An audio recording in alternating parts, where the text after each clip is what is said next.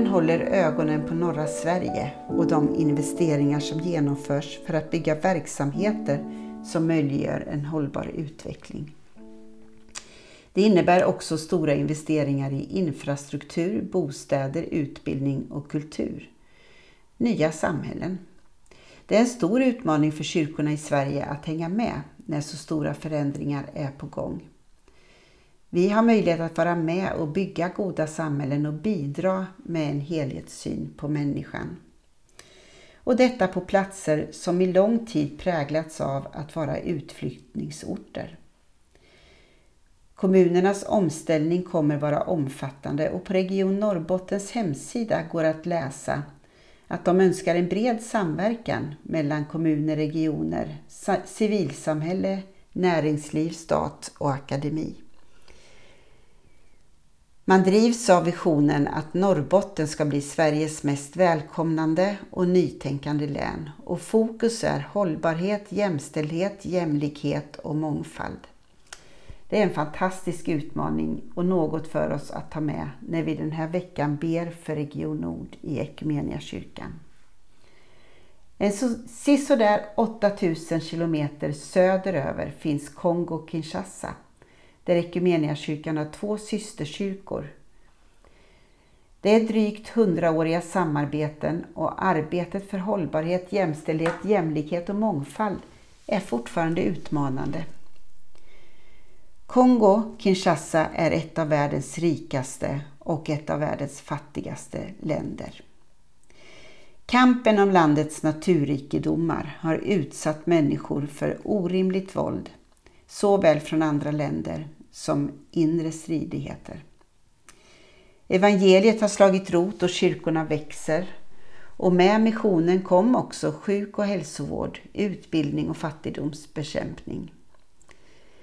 Samtidigt, vägen till hållbarhet, jämställdhet, jämlikhet och mångfald är fortsatt krokig och svår och samtidigt nödvändig. En av de tidiga pionjärerna i Kongo hette E.V. Sjöblom. Han fanns där i slutet på 1800-talet när landet fortfarande var koloni under kung Leopold II av Belgien.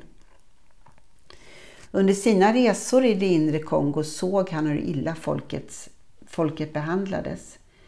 Hur det var fruktansvärda brott mot mänskliga rättigheter för att komma åt naturrikedomarna. Han tog upp kampen med risk för sitt eget liv och berättade vad han såg.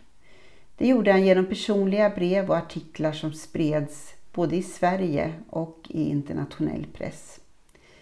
Genom att berätta vad han såg var han en av dem som öppnade omvärldens ögon för hur det stod till i belgiska Kongo. Det är viktigt att hålla ögonen öppna, både för möjligheter, som i Norrbotten just nu, och för det som är felaktigt kränkande och ont, som i det belgiska Kongo då, och också idag, där det är långt kvar till en fullständig jämlikhet. Vi ska be för Region Nord, vi ska be för Kongo och vi ska be för vår jord. Låt oss be. Gud, vi ber för norra Sverige och den stora industriomställning som pågår. Hjälp kyrkan att finnas till för de människor som behöver dig mitt i den stora samhällsomvandlingen. Gör oss lyhörda, innovativa och villiga att tjäna. Ge oss mod att följa dit du leder. Så ber vi för Kongo-Kinshasa och våra systerkyrkor CBU och CEC och deras situationer. Vi ber särskilt för Bibelskolan IBB och Idrottsskolan Gotia. Låt unga människor växa till i vishet och klarsyn. Jesus Kristus, vi ber om styrka för de båda kyrkornas ledning. Vi ber om mod att följa dit du leder. Så ber vi för hela jorden, den planet där vi lever, där det är långt mellan Region Nord och Kongo-Kinshasa. Men där behoven av en omställning är lika.